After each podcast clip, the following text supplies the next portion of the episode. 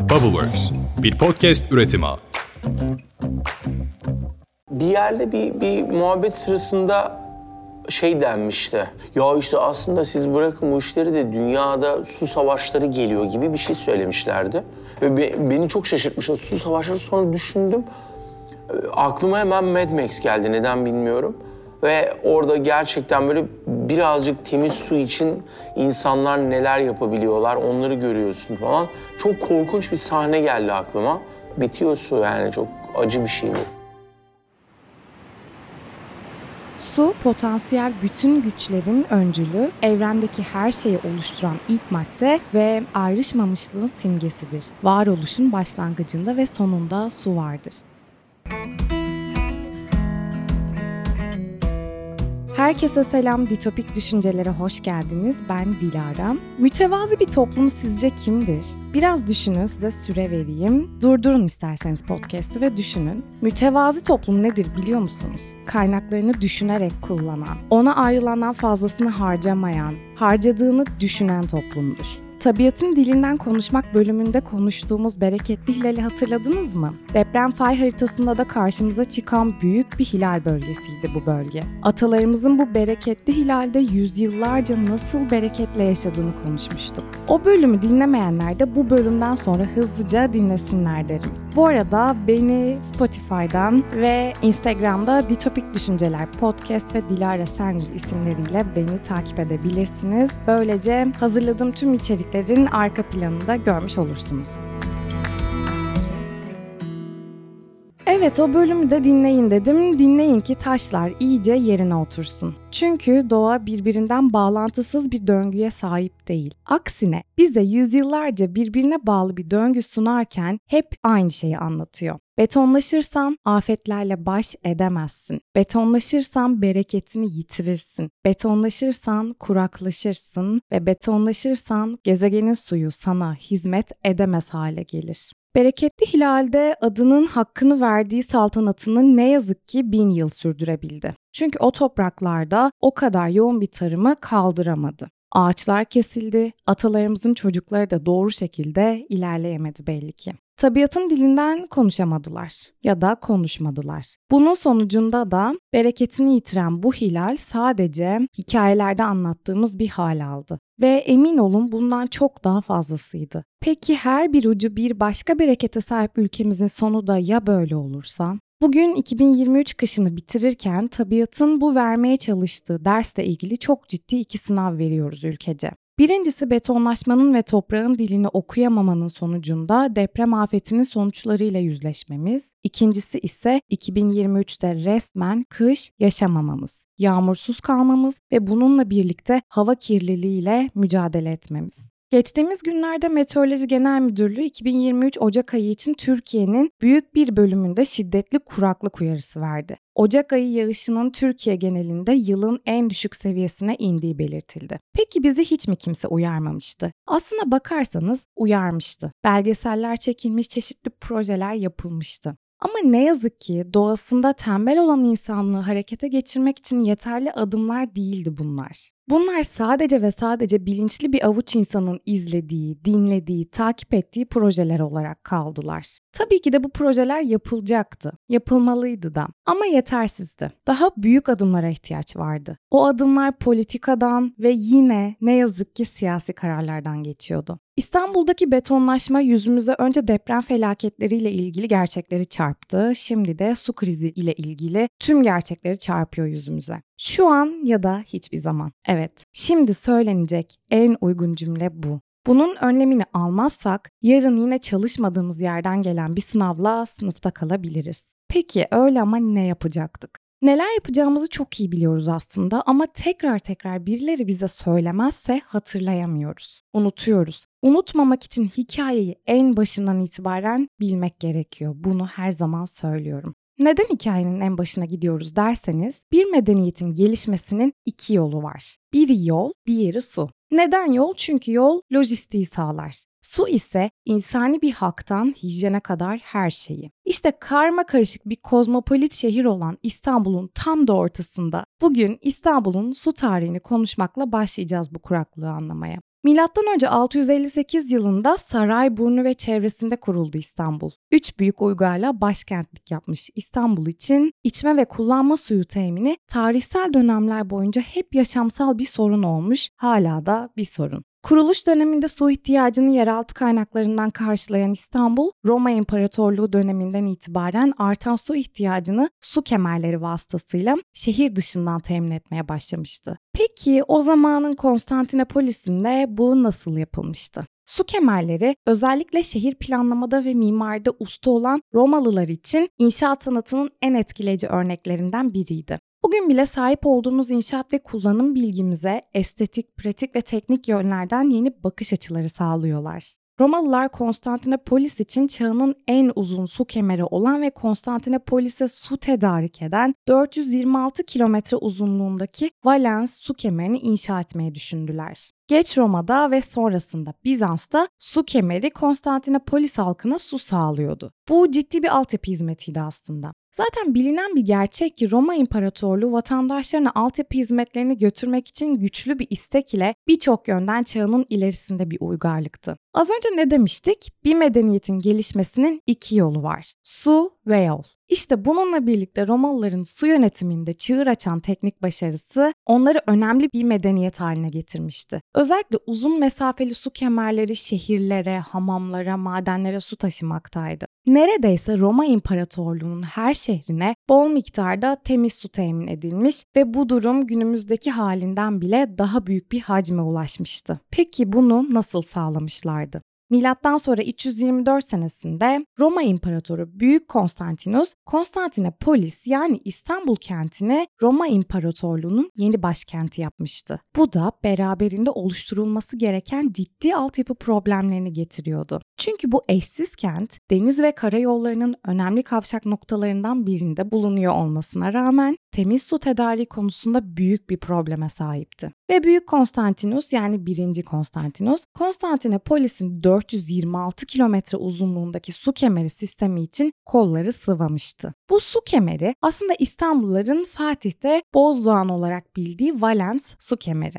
Bozdoğan kemeri ya da Valens su kemeri Taksim yönünden gelindiğinde un kapanını geçtikten sonra altından geçtiğimiz kemerler olarak anlatabilirim size. 1. Konstantinus tarafından şehir 300'de yeniden kurulduktan sonra yapımına başlandığı düşünüldüğünü söylemiştim ve genellikle kemerin Valens döneminde yapımının bittiği kabul edildiği için Valens su kemeri adıyla da isimlendirilmiş. Bu su kemeri kentin 60 kilometre batısındaki bir kaynaktan Konstantinopolis'e su tedarik etmesi için inşa edilecekti. Peki nasıl oluyordu da bu su kemeri bu kadar uzun oluyordu? Şöyle ki kent sürekli olarak genişlemeye devam ediyordu. Ne yazık ki İstanbul için bu durum tarih boyunca hep böyle olmuş. Şehir büyüdüğü için bu sistem 5. yüzyılda yeniden 120 kilometre uzakta düz bir hat üzerinde uzanan kaynaklara doğru genişletilmek zorunda kalmış. Ve kemer, kent dışındaki su havzalarından getirilen suyun İstanbul'un 3. ve 4. tepeleri arasında kalan vadiyi aşabilmesi için inşa edildi. Bu çok akıllıca bir yöntemdi. Bu durum 426 kilometre uzunluğu ile su kemerini antik dünyanın en uzun su kemeri haline getirdi.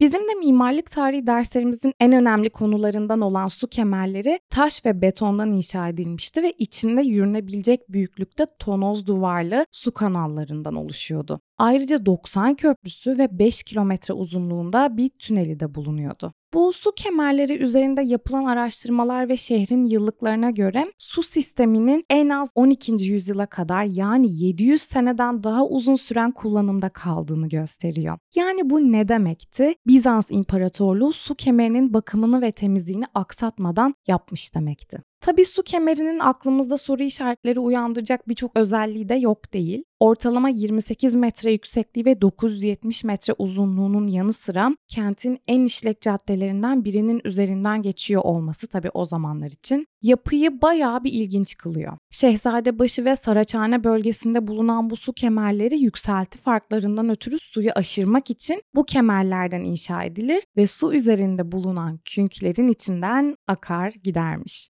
Çünkü zaman içinde nüfusun fazla olduğu yerlere suyu taşımak amacıyla çeşitli malzemelerden yapılan borulardan oluşan bir sistemdi. Tabi bunlar beton borular ve su künkleri olarak adlandırılıyordu. Peki su kemerlerinin üzerindeki su künklerinden metrelerce uzaklıktan taşınan sular nereye akıyordu ve bu sistem şehre nasıl dağıtılıyordu? Bu sistem şehrin içinden iç içe geçmiş muhafazalı çömlek bir hat ile dağıtılıyordu. Ve kemer Süleymaniye'nin sokak aralarında tek katlı olarak devam ediyor. Bizans devrinde kemerlerin taşıdığı sular Kalenderhane Mescidi'nin hemen arkasındaki alanda yani bugünün üniversite bahçesi olan yerde büyük bir havuzda dinlendiriliyordu. Daha sonra sular bu havuzdan yere batan binbir direk gibi yüzlerce kapalı ve açık sarnıca ve Çemberli Taş Meydanı'ndaki anıtsal çeşmeye dağıtılıyordu. Bizans devrinde sular daha çok sarnıçla toplanırken Osmanlı devrinde zaman içinde akarsu halinde çeşmelerden kullanılır olmuş. Yani Batı ile aramızdaki durgun su akarsu farkı da yine burada karşımıza çıkıyor. Bu durumda baktığımızda sarnıç sözlükte yağmur suyu biriktirmeye yarayan yeraltı su deposu olarak geçiyor. Yere batan sarnıcı da dünyanın en eski su deposu olarak biliniyor. 9800 metrekarelik bir alanda 100 bin ton su toplama kapasitesindeki bu devasa yapı saraylıların ve çevresindeki halkın su ihtiyacını karşılaması için 6. yüzyılda Bizans İmparatoru 1. Justinianus tarafından yaptırılır. Osmanlılar İstanbul'u fethettikten sonra sarnıcı kısa bir süre Topkapı Sarayı'nın bahçelerini sulamak için kullanırlar. Fakat Osmanlılar kullanacakları suyun sağlıklı olabilmesi için durgun değil akar vaziyette olması gerektiğini düşündüklerinden kendi su tesislerini kurarlar. Sarnıç da zamanla işlevini kaybeder ve hatta unutulur. Tabii o zamanlar tahmin edersiniz ki evlerde çeşme bulunmuyordu döneminde sadece izinli olarak kimi paşaların konaklarına çeşme konulurmuş. Evler kendi sularını çeşmelerden alabildiği gibi sakalar da evlere servis yaparmış. Bu da bir dipnot olsun.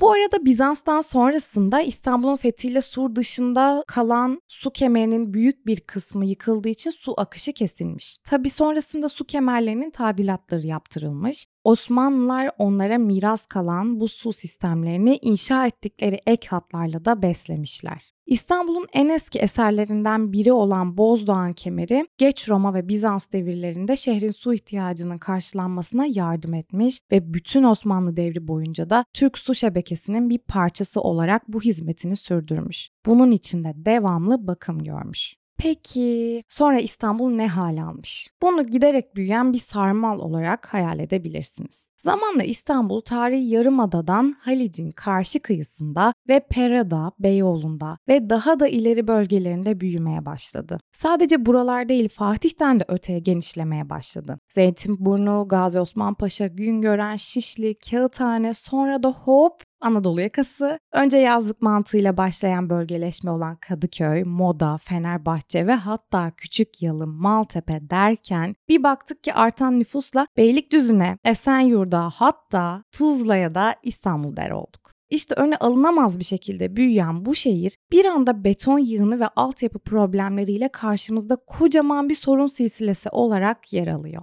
Üstelik bu büyümenin su kemerlerinde uzun uzun anlattığım etkileyici hikayeleri de yok ne yazık ki.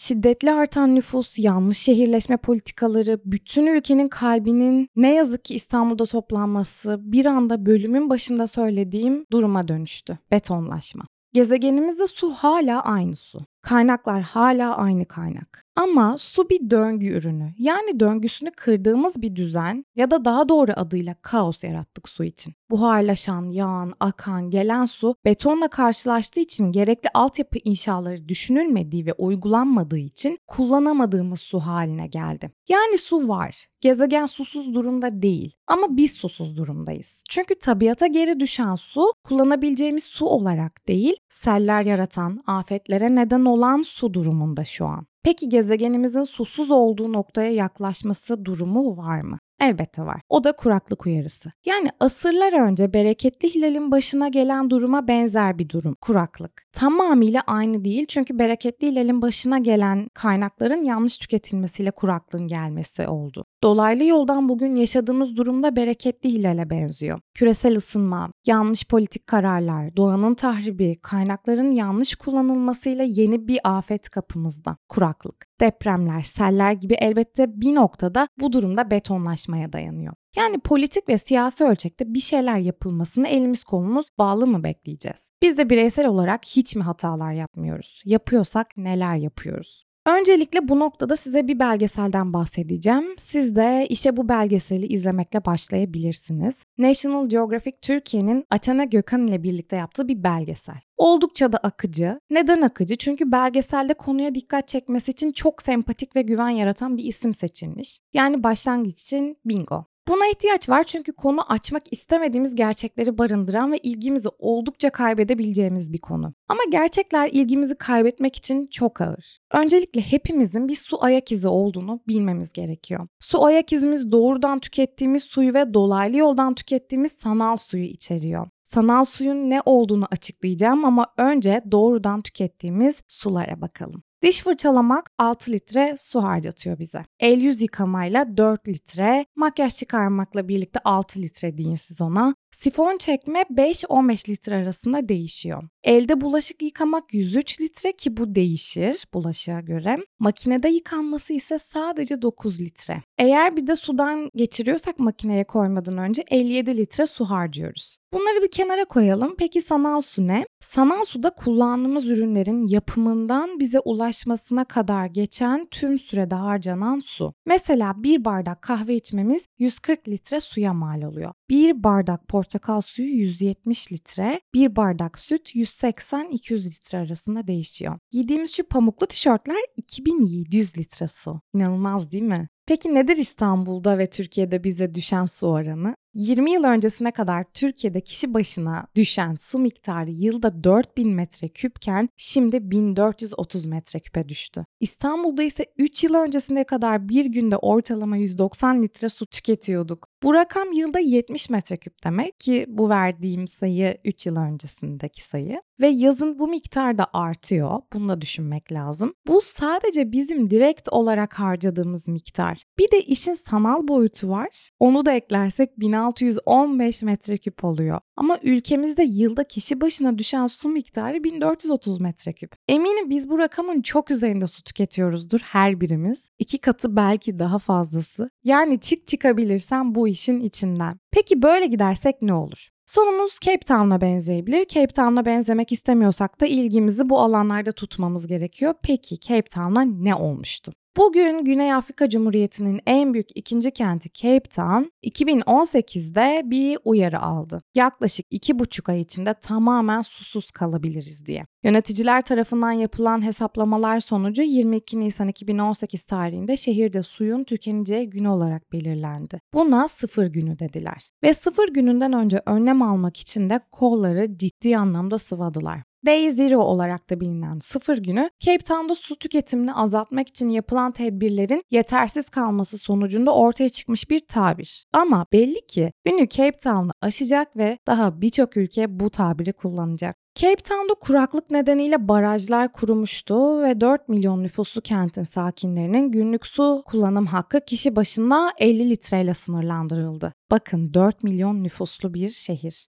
birden hepiniz İstanbul'u mu hesap etmeye başladınız? Çünkü İstanbul'un nüfusu için güncel halimize bakarsak 20 milyon olduğunu söyleniyor. Daha kötüsü Cape Town 4 milyon nüfusuyla kişi başına günlük 50 litreyle kurtaramadı ve bunu 25 litreye çekti. Bu da normal yaşantımızla bir sifon çekmemiz ve diş fırçalamamızla bitiyor demek. Cape Town'daki insanlar konutları ve çalışma alanları için çeşitli girişimlerde bulundular ve çareler aradılar. Çünkü hiçbir şey sonuçta imkansız değil. Sonucunda da oldukça tasarruf ederek sıfır gününü geciktirmeyi başardılar. Peki biz Cape Town'da değiliz. Rahatız mı demek bu? Ne yazık ki hayır. Çünkü uzmanlar 2040'a kadar hava sıcaklığının 2-3 derece artmasını ve bahar yağmurlarının %20 azalmasını bekliyor. Zaten bu konuştuğumuz 2023 yılında yani şu an yaşamaya başlamadık mı? Demek ki rahat değiliz. Peki ne yapmalıyız? Nereden ilham almalıyız? Suyun, su sistemlerinin böylesine tarihinin merkezinde olan İstanbul gibi bir kentte, hatta Türkiye'de. Güzel hikayeleri ve tarihimizi anlatmaya devam mı edeceğiz yoksa sıfır gününe mi yaklaşacağız? Bu yıl 14 Şubat'ta Talha ile birbirimize hediye aldık sevgililer gününde. O bana çok sevdiğim bir markadan deri eldiven almış. Suni deri tabii. Çok beğendim. Hatta Instagram'da onu takmaya vaktim olmadığını çünkü kışın gelmeden bittiğini konuşmuştuk sizinle. Onun hediyesinden sonra ben de ona güzel bir kafede bir kahve ısmarladım. Nasıl yani dedi. Hediyem bu mu? Evet dedim hediyem bu çünkü bu kahve sadece bir fincan gibi görünse de 140 litre su harcadım sana bu hediyeyi vermek için dedim. Şaşkınlıkla bana baka kaldı. Yakında sevdiklerimize hediye olarak sadece bir fincan kahve vermek zorunda kalabiliriz. Tabii bunun için bile hala şanslıysak.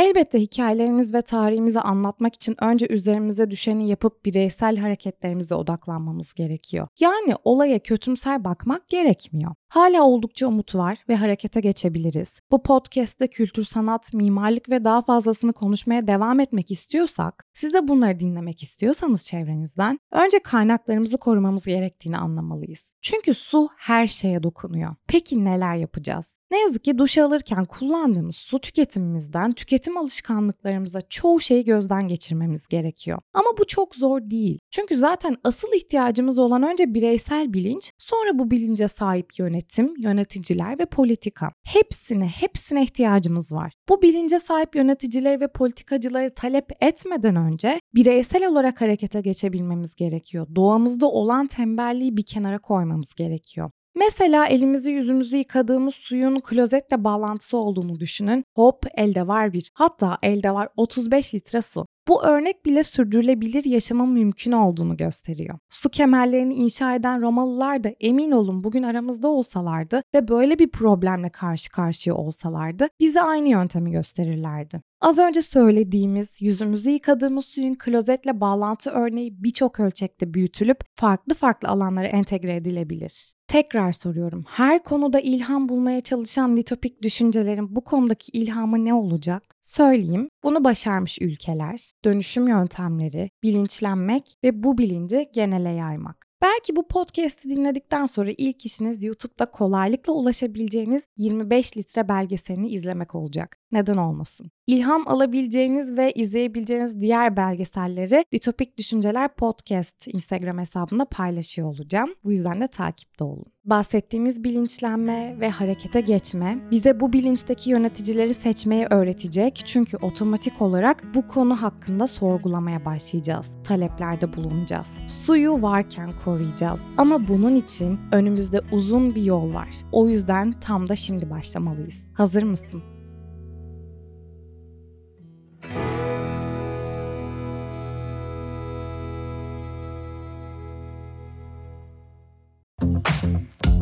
Works, bir podcast üretimi.